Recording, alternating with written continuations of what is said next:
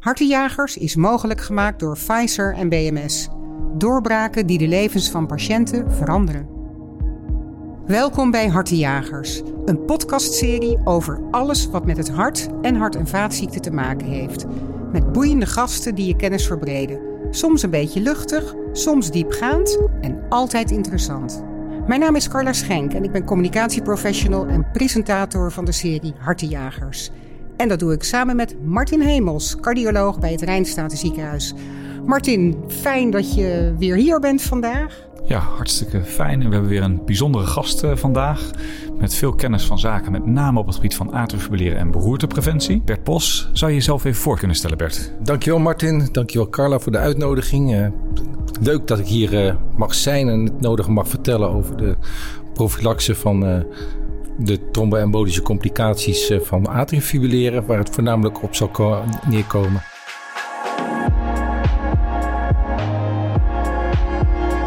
In de 13e eeuw is er al een uh, monnik die een diepveneuze trombose beschrijft.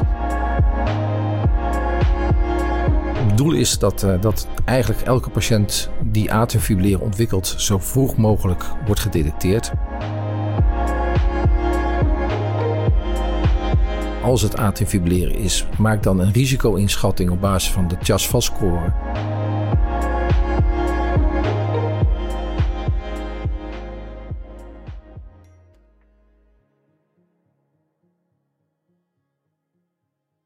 Voordat we over jouw expertise gaan praten, wil je iets over jezelf vertellen? Uh, ja, ik ben al een jaar of twintig cardioloog. En ik ben opgeleid in de VU in uh, Amsterdam. En sinds 2006 werkzaam in het ZGT.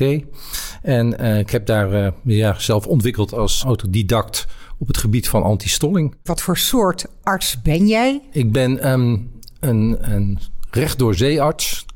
Kort en krachtig, no nonsense. Soms een beetje direct, wat, wat een beetje bot overkomt.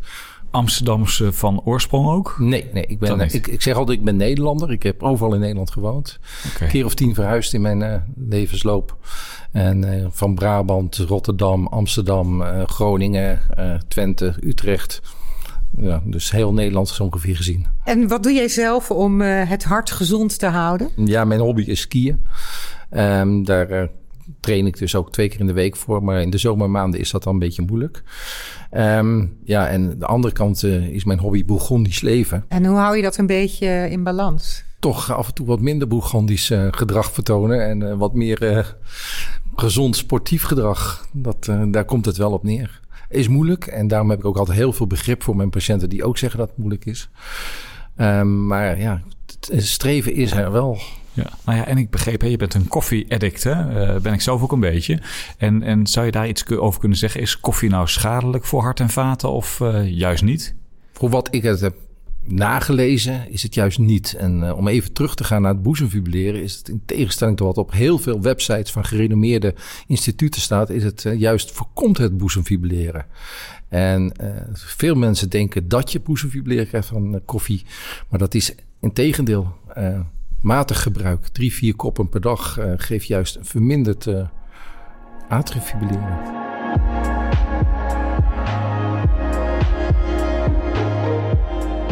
We praten vandaag met Bert Pos, cardioloog bij ziekenhuisgroep Twente. En samen gaan we het eigenlijk hebben over de behandelmethode van beroertes. Ja, wat ik me afvraag, hoe is dat nou eigenlijk ooit ontstaan? Waardoor zijn er überhaupt behandelmethodes ontwikkeld? Nou, de, de behoefte uh, bestond al heel lang. In uh, de 13e eeuw is er al een uh, monnik die een diepveneuze trombose beschrijft. En alleen was toen de genezing veel bidden en een bedevaart naar Parijs. Ja, maar dat hielp niet? Dat weet ik niet. ik was er niet bij. nou ja, als het lopend gebeurde, werkt het wel, ja, het wel beschermend. Ja, ja, ja, toch? Ja, ja, ja, ja. Um, ja, sinds die tijd is er natuurlijk heel veel medische ontdekkingen gedaan. Een van de belangrijkste was in de 19e eeuw was Rudolf Virchow.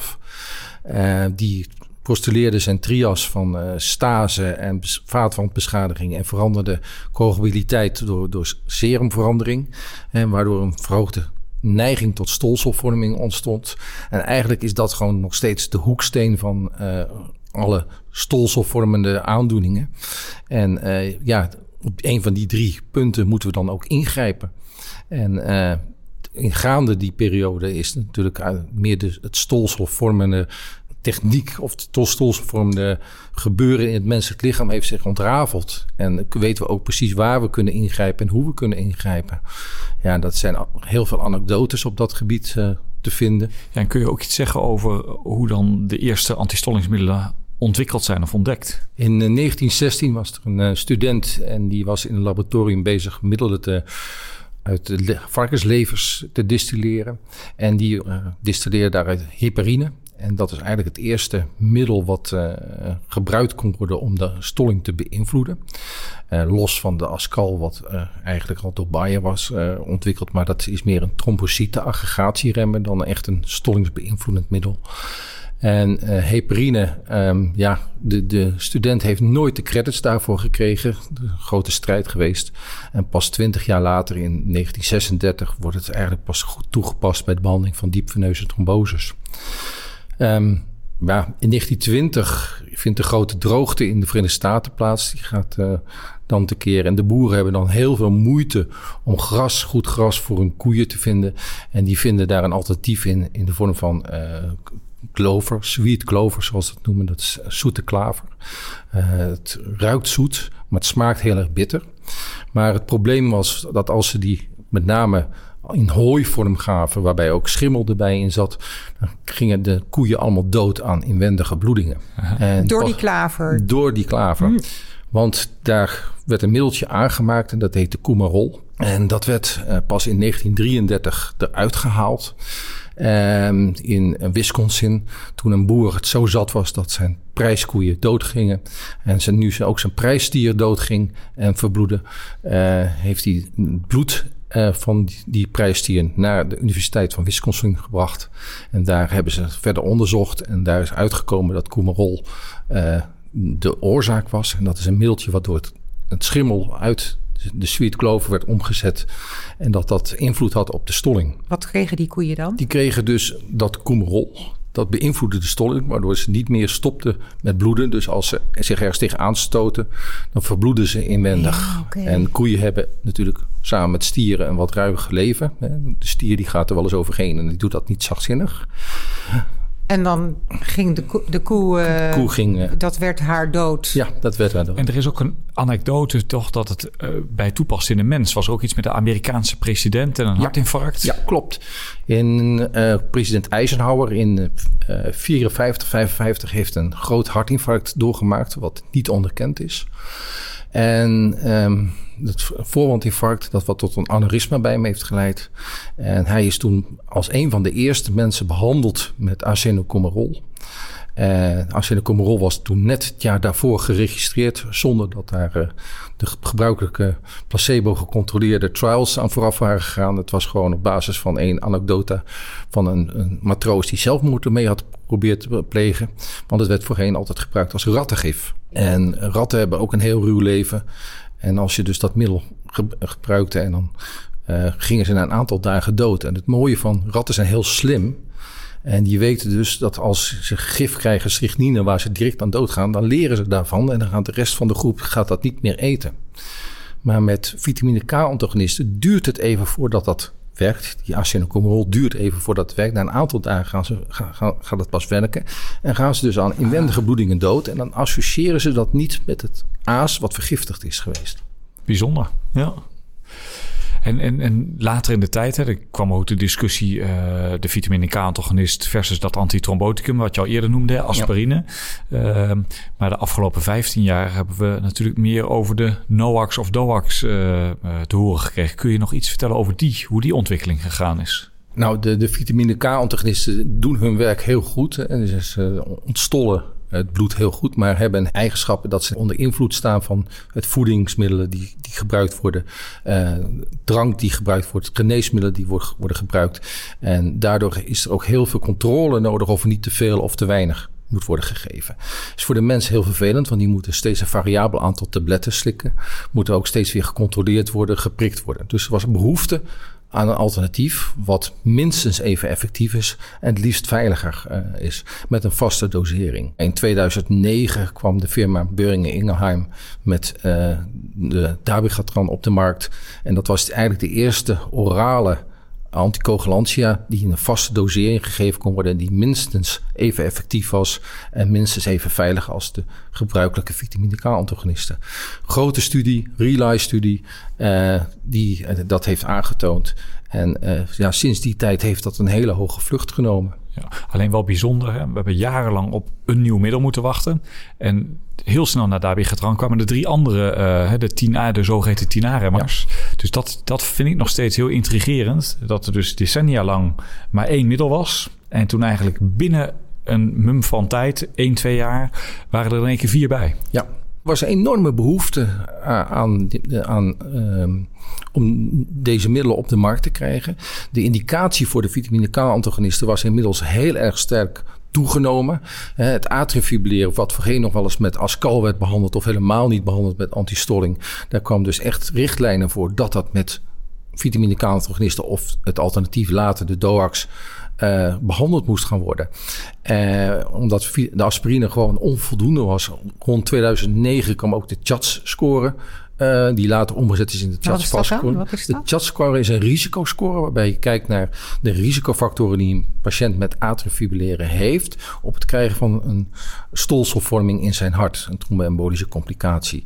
En hoe hoger je erop scoort, hoe meer je eigenlijk die antistolling gerechtigd bent om door te voeren en in te voeren. En uiteindelijk bescherm je daar de mensen mee tegen een beroerte. Andere kant van de medaille is natuurlijk dat je een risico op bloedingen invoert.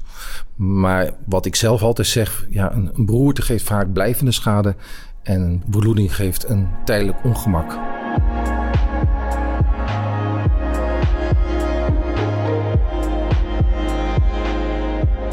We praten vandaag met Bert Bos, cardioloog werkzaam bij de ziekenhuisgroep Twente. Vandaag duiken we samen in de behandelmethode van beroertes in blok 1 spraken we over de geschiedenis van de antistolling. En nu gaan we het eigenlijk hebben over de, ja, de hedendaagse praktijk. Wat zijn nu de problemen die er leven of waar jullie tegenaan lopen? Nou, de, de grootste problemen zijn dat nog steeds heel veel patiënten rondlopen... waarbij het atriumfibrilleren nog niet gediagnosticeerd of gevonden zijn. En daarnaast de, de, de doordringen van onze collega's wat het belang van de preventieve gebruik van antistolling bij deze patiënten. Um, dat zijn eigenlijk de twee grootste problemen. Um, die moeten we gewoon tackelen en daarvoor moeten we gewoon echt gewoon alle collega's in het ziekenhuis en buiten het ziekenhuis uh, mobiliseren. Uh, bewustwording kweken dat ze kijken, heeft een patiënt atriumfibrilleren? En uh, zo ja, wat is zijn risicoprofiel? Maar beter nog, we moeten hun ook bewust maken van de risicofactoren op het ontstaan van atriumfibrilleren. En preventie is altijd een veel grotere en betere iets dan uh, het behandelen van de symptomen en het achter de feiten aanlopen. En lifestyle management is daarin een hele grote. De obesitas-epidemie die we allemaal hebben, ja. zorgt voor een toenemende mate van ontstaan van atriumfibrilleren. Ook de keerzijde van het steeds ouder worden van de mensen stuur, uh, ja, zorgt dat er toch steeds meer atriumfibrilleren patiënten zijn, al dan niet onderkend. En wat ja. moeten mensen anders doen als je het over leefstijl hebt? Nou, eigenlijk gewoon gezond leven. Ja. Veel bewegen, overgewicht zien te voorkomen, uh, weinig alcohol, nicotine. Uh, weglaten. Ja. Uh, eigenlijk gewoon ja, wat eigenlijk iedereen al zou kunnen en had moeten weten. Ja, wat maakt het zo moeilijk? Hè? Want eigenlijk eh, doen we dit, uh, weten we dit allemaal, ja. wordt het heel vaak geroepen. Ik, wat uh, maakt het nou zo moeilijk? Ik kan daaruit uh, de, de, praktijk van mezelf over me meepraten. Het is allemaal zo lekker en zo makkelijk om op die bank te zitten met een glas wijn en een snackje erbij. En dan in plaats van elke dag eventjes een half uur goed door te wandelen of een uur op de fiets te gaan zitten in regen en wind. En uh, je hebt altijd een heel goed excuus. Nederlands elftal speelt, dus ik kan vanavond niet gaan sporten, want ik moet kijken. Ja, of je of, moet een, uh, de hardgame uh, doen op je iPad. Hè? Ja. daar hebben we in de vorige podcastserie over gehad met Jaap van Soest. Maar ik wil nog heel even terug het bruggetje, want jij zegt heel goed, hè, voorkomen is beter dan genezen. Hè? En, en, en je hebt verteld, die antistollingsmiddelen werken heel goed preventief hè, voor trombosevorming. Maar ja, hoe leg je dat die patiënt uit? Hè? Want de patiënt zeg je van, ga die pil maar slikken. En, en die patiënt, die ziet de voordelen ervan niet. Ik leg ze dat altijd uit van dat ze een verhoogd risico lopen dat een stolsel zich in het hart vormt. Um, dat, daar zou ik wel heel bang van worden als ik dat als patiënt hoor. Ja, ik zeg ook dat, dat ook mensen die geen atriumfibrilleren hebben, dat kan overkomen. Alleen als ze met die ritmestoornis ja, daar last van hebben, dan lopen ze een wat hoger risico. En um, je, moet, dat, je kan dat voorkomen door middel van uh, de, stolling te beïnvloeden met behulp van geneesmiddelen, pillen. En ja, dat je die pillen dan ook elke dag moet slikken en dan de rest van je leven. En dat is voor heel veel mensen een, een, een ja, een schrikbeeld. Maar het is niet anders. En uh, heel veel mensen, als ze een keer een, patiënt, een, een familielid met een beroerte hebben meegemaakt, zijn super gemotiveerd om dat wel te doen. Um, en soms zeg ik ook van ga maar eens naar een verpleeghuis kijken waar mensen met een beroerte in een rolstoel zitten. Van dat voorkom je echt grotendeels mee. Ik zeg niet dat het 100% voorkomt, maar wel je risico wordt heel erg klein. Ja, maar goed, wat je ook wel in de praktijk ziet, en dat is wel heel actueel nu bijvoorbeeld met die COVID-vaccinatie. Uh, we redden er duizenden levens mee. Hè? Maar als er één iemand een hele zeldzame complicatie krijgt, dan uh, is iedereen in rep en roer. Ja. en dat is misschien ook wel met die antistollingsmiddelen. Uh, ja, die geven bloedingen als nadeel soms. Ja. En dat komt natuurlijk regelmatig voor. En, en ja, hoe ga jij ermee om als een patiënt bij jou komt van ja, jij bent een mooie dokter Pos, maar je hebt mij dat middel voorgeschreven. En ik heb nu al drie keer een hele ernstige bloedneus gehad. Ja, dat, dat is uh, zo. Een bloeding treedt natuurlijk niet door het middel zelf op. Er moet namelijk, en dan kom ik even terug op de trias van Virchow, er moet een vaatwandbeschadiging zijn opgetreden. En dat is de oorzaak van de bloeding. En die vaatwandbeschadiging kan je vaak wat aan doen. In het geval van een bloedneus kan je hem door de KNO het bloedvat weg laten branden of dicht laten branden. En zo zijn er nog meer dingen die daarbij uh, kan doen. Kan de patiënt meebeslissen eigenlijk? Want ja. op een gegeven moment dan zeg jij natuurlijk van nou, we hebben middel A, we hebben middel B. Uh, hoe, in, in, hoe, hoe pak je dat dan aan? Een patiënt, samen beslissen? Een patiënt beslist bij mij altijd mee. Ik schets altijd wat de opties zijn. En ik geef, zeg wat in mijn optiek de beste behandeling is. Stel dan dat en, die patiënt zegt, nou doe toch maar die andere. Dan, dan zeg ik van nou weet wat de consequenties hiervan zijn en wat de risico's zijn.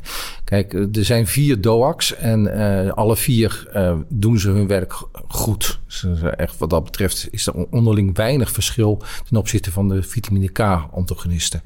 Uh, DOAC's hebben echt een duidelijk voordeel ten opzichte van vitamine K-antagonisten. Dat ze gewoon veel makkelijker in het gebruik zijn, mits geslikt even efficiënt zijn. Wat zeggen de richtlijnen hierover? Die maken geen onderscheid. Oh, okay. De richtlijnen, inmiddels is het wel zo dat in de richtlijnen zeggen dat de DOAX preventieel zijn. Dat het liefst de DOAX voorgeschreven worden. Mede vanwege deze aspecten van efficiëntie en veiligheid. En het, ook de, de belasting voor de organisatie een stuk minder wordt. Voor welke organisatie? De gezondheidsorganisatie. Uh, Mensen hoeven minder te prikken ja, enzovoort. En, ja, dat was in het verleden vaak een reden dat patiënten uh, niet een vitamine K-antagonist wouden. Want dan moest dat continu gecontroleerd worden. Ja. En aan de andere kant, en dan ben ik nog wel geïnteresseerd... Uh, we hebben het veel gemakkelijker gemaakt. Hè? Uh, maar ook nu recent is er weer een richtlijn gekomen die zegt van ja, in sommige gevallen moet je misschien toch een keer een spiegelbepaling doen van die NOAX. Ja. Uh, wat zou de reden daarachter zijn? De spiegelbepaling is in mijn optiek alleen uh, noodzakelijk als je twijfelt aan de therapietrouw. En je is dat een probleem? Dat kan een probleem zijn. Kijk, de, de trombosedienst die de vitamine K-antagonisten monitort, is in het leven geroepen om vanwege de, de, veiligheidsaspecten, dat er niet te veel of te weinig wordt geslikt. Uh, schermt nu dat ze daarmee ook de therapietrouw kunnen monitoren. He, je kan checken of iemand geslikt heeft, want je kan dat meten. Nou, dat kan je dus ook bij de, de DOHACs doen. Alleen het probleem is één DOAC de dag ervoor geslikt. Je meet het, maar je weet niet wat ze de weken daarvoor hebben ingenomen. He, je weet, en als, als een patiënt denkt van ik ga gecheckt worden op mijn, op mijn gebruik. Hij neemt s ochtends de tablet in en het is te meten, maar je weet niet of hij de dagen daarvoor of de, uh, wel die tablet heeft. Dus ik, in mijn optiek vind ik het niet zo zinvol. Nee, dus wat je aansnijdt, hè, die therapietrouw is ontzettend belangrijk. En um, zeker als een patiënt een, een ja. stolsel heeft gehad of een trombose, kan me voorstellen dat hij behoorlijk gemotiveerd is. Ja. Um, maar uh, ik denk dat er ook wel een rol weggelegd is uh, voor de opvolging. Hè? Want wij sturen vaak de patiënt dan terug naar de eerste lijn. Geef jij in je eigen regio de patiënten wat mee? Heb je afspraken met de huisarts hoe om te gaan met die chronische antistollingsbehandeling? Ja. Ja, wij, vinden dat die, uh, de meeste patiënten minstens één keer per jaar uh, gecheckt moeten worden op, uh, op hun therapie. Trouwen ook een advies moeten krijgen van jongens, doorslikken. De door de huisarts bedoel je? Of ja, door de huisarts. Door de huisarts. in de meeste gevallen wordt dat waargenomen door de praktijkondersteuner. Tegenwoordig, de, de huisartsen besteden dit vaak uit aan goed opgeleide praktijkondersteuners. Um, ja, wat ik de patiënt altijd uitleg is dat uh, als hij de tabletten niet slikt, hij ook niet beschermd is. Dus een niet geslikt is niet beschermd. En uh, ja, dat is wat wij als specialisten, maar ook als huisartsen moeten doen. Wij moeten de patiënt doordringen van het belang van het gebruik van die tabletten en ook dagelijks gebruik van die tabletten. Verder kunnen we eigenlijk niet zo heel veel doen. Uh, wat jij aanhaalt, Maarten, dat er uh, ja, de expertisecentra door de trombosediensten worden opgericht. Die ook de controles van de uh, DOAX uit handen van de huisartsen uithalen. Vind ik prima. Dat is echt een, een goed initiatief. Um, en zolang er maar een vangnet is, dat de patiënt weet waar hij terecht kan ja. als er iets is. Ja. ja. We hebben het over het voorschrijven hè, van deze middelen. Hoe staat Nederland eigenlijk ten opzichte van andere landen? Nederland is met de inhaalslag bezig. We lopen achter, eh, nog steeds. Ik kan me dat bijna niet voorstellen dat een land als Nederland achterloopt. Nou ja, je zou kunnen zeggen dat is de wet van de rem en de voorsprong. In Nederland beschikten we en beschikken we nog steeds op een heel goed trombosedienstnetwerk. En uh, we waren wat dat betreft de beste van de wereld. En misschien dat dat er iets mee te maken heeft dat toen de NOAX kwamen, mensen zoiets hadden van ja, maar we hebben het toch al zo goed met elkaar. Is dat een beetje Nederlandse mentaliteit ook eigenlijk? Um, deels. Um, ik zal niet te veel in details uh, treden op dat gebied, maar dat heeft wel een, een rol bijgespeeld. En de overheid heeft ook vanwege financiële uh, problemen, daar een hele rem op gezet. De, de, de firma's die de pillen maakten, moesten met de overheid onderhandelen over de prijsstelling. Uh, daarnaast uh, heeft, was er heel veel invloed ook van de trombosedienst, die zich deels terecht, maar deels ook onterecht op de borst klopte dat ze het zo goed deden. Want ze hun, zij vergeleken zich internationaal met de tijd dat de patiënt goed ingesteld was. En dan deden ze het volgens hun zeggen heel erg goed. Um, alleen, ze vergaten erbij te vertellen dat ze een veel bredere bandbreedte als goed ingesteld namen dan eigenlijk internationaal gebruikelijk was. En als je ging kijken naar de data, dan was Nederland helemaal niet de beste trombosedienst. Dan kom je ergens in Zweden uit, daar was het, uh, die hadden het veel beter voor elkaar. Maar desalniettemin bleek dus dat de DOAX even goed waren als de, als de vitamine K-antagonisten. Nou, er is toen in 2012, omdat die middelen op de markt kwamen en er ook vraagtekens waren over de veiligheid, uh, is besloten door de overheid om een begeleide introductie te doen van de DOAX. Nou, dat heeft enorme rem op de verspreiding van de, van de middelengevende middelen. Mocht alleen geïnitieerd worden en gecontroleerd worden door cardiologen, terwijl de bulk van de patiënten bij de huisartsen onder controle waren.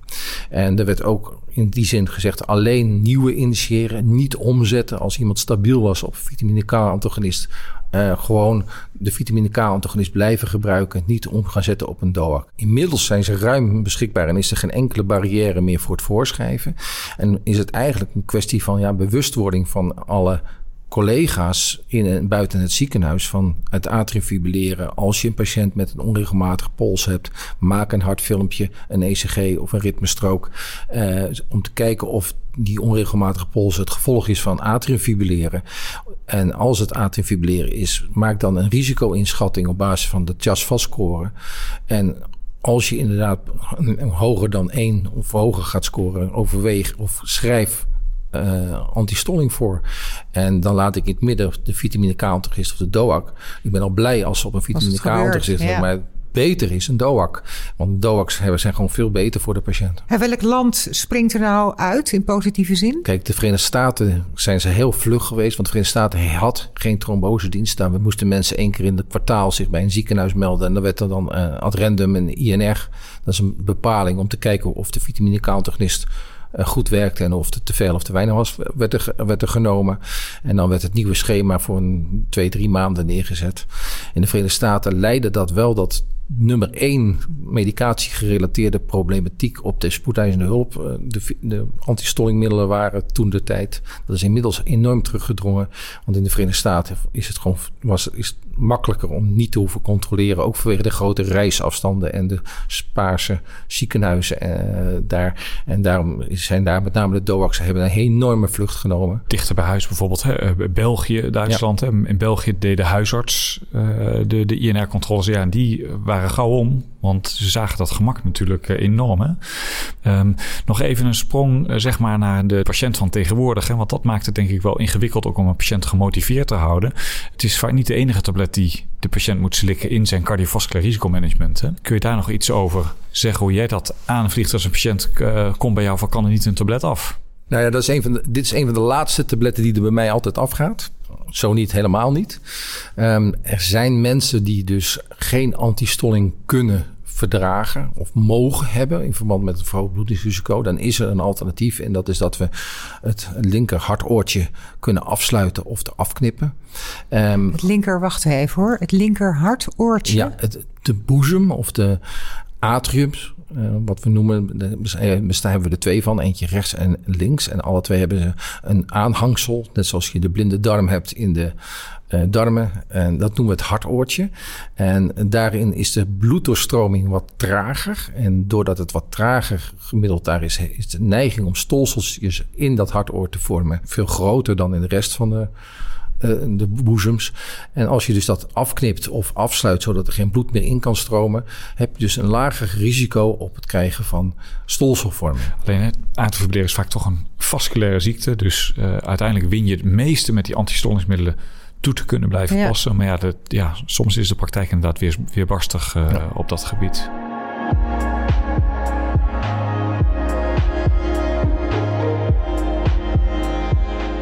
In het derde en het laatste blok hebben we het over de toekomst van de behandeling van hartproblemen. Hoe ziet de ideale wereld er volgens jou uit? Uh, de ideale wereld is dat ik werkloos ben.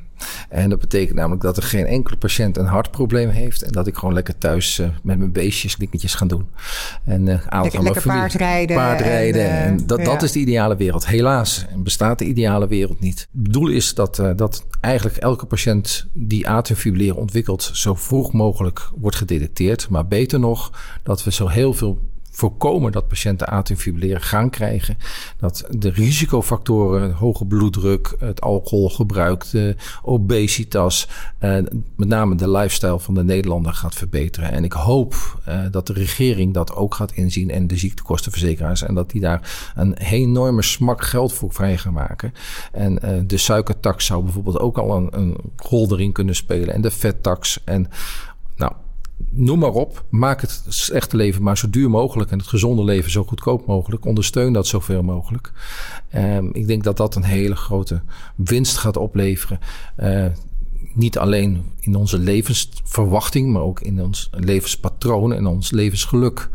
Nou, als Bourgondiër kan ik zeggen dat een deel van mijn levensgeluk wel een deel van deze kwalijke producten ja, zit. Dus dadelijk ben je, ben je heel gezond en maar heel ongelukkig. Ja. Hoe, hoe, hoe, moet dat dan? En dan nou word je ja, weer, doordat je ongelukkig bent, dan, word je misschien moet, weer ziek. Ja, dan, dan moet ik mijn geluk elders zoeken in andere dingen. En er zijn genoeg andere dingen te vinden waar je geluk uit kan halen. Atriumfibrilleren is in mijn optiek um, zeker uh, op jongere leeftijd uh, bij een grote populatie toch te voorkomen. Uh, door een betere en gezondere levensstijl. En als atriumfibrilleren optreedt, dan kan je ook de, het aantal episodes van die ritmestoornis kan je verminderen, soms helemaal weghalen door die gezonde levensstijl aan te tonen. Er zijn al diverse onderzoeken die dat aangetoond hebben. Dat je echt, als die mensen goed gewichtsverlies doen, inspanning, alcohol minimaliseren, nicotine afsferen.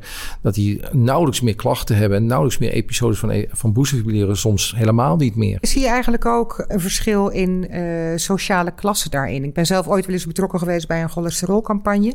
En daar zag je echt dat mensen die lager waren opgeleid eigenlijk ook veel lastiger waren te motiveren om meer te doen voor een goede gezondheid. Ja, en dat heeft deels ook te maken natuurlijk met de mogelijkheid om inzicht te hebben in dit soort problematiek, hè, de, de, de, de oorzaak Dus we krijgen te weinig informatie. Nou, ook de oorzaak-gevolg is heel moeilijk, maar ook de omgeving. Hè. Het, het, is heel moeilijk om een roker van het roken af te krijgen als de rest van de gezinsleden do stug door blijft roken. ja. En uh, je zal dus echt een, niet individueel, maar een echt groeps uh, aanpak moeten doen. Echt de hele populatie uit dat gebied. Maar vlak bijvoorbeeld ook niet het alcoholgebruik bij de hoogopgeleiden uh, uit. Die, wat er ook een grote oorzaak is van boezemvioleren. Ja. En uiteindelijk is leeftijd een van de grootste factoren. Het verouderen van het hart, wat als bodem, uh, bodem voor deze ritmestoornis ook gaat optreden. En ja, daar kunnen we op tot op heden nog niks aan doen. We hebben de fontein van de eeuwige jeugd nog niet gevonden. We kunnen er niet in baden. Dus ja, we zullen moeten dealen met het feit dat we allemaal ouder worden. Daar werken we allemaal hard aan om zo oud mogelijk te worden. Maar het liefst zo gezond mogelijk, ook zo oud mogelijk. En uh, de levensstijl zo vroeg mogelijk daarop aanpassen. Um, is daar toch wel, denk ik, een van de hoekstenen om het boezemfibrilleren te voorkomen. Ja. En het klaar zijn voor de toekomst. Hè. Die grijze golf die ja. komt op ons af. Hè. En daarom is het zo belangrijk dat we elkaar goed blijven informeren en de patiënt uh, wat de beste behandelingsopties uh, zijn. Hiermee zijn we aan het einde gekomen van onze podcast Hartenjagers. Ditmaal ging het over de preventie en behandeling van atriumfibrilleren en met name de preventie van herseninfarct. Bert, dank je wel voor alle informatie die je ons gegeven hebt. Carla en Martin, hartstikke dank voor deze uitnodiging. Ik heb het uh, heel erg naar mijn zin gehad en ik hoop dat we op weg gaan naar een atriumfibrilleren vrije samenleving. Dankjewel Hugo voor de techniek en luisteraars, dank voor het luisteren. Heb jij, net als wij, honger naar kennis? Volg dan onze jacht naar antwoorden die helpen om hart- en vaatproblemen te voorkomen en beter te behandelen. Kijk voor meer informatie op www.beroertepreventie.nl. Tot, Tot de volgende keer. keer. Hartenjagers is mogelijk gemaakt door Pfizer en BMS. Doorbraken die de levens van patiënten veranderen.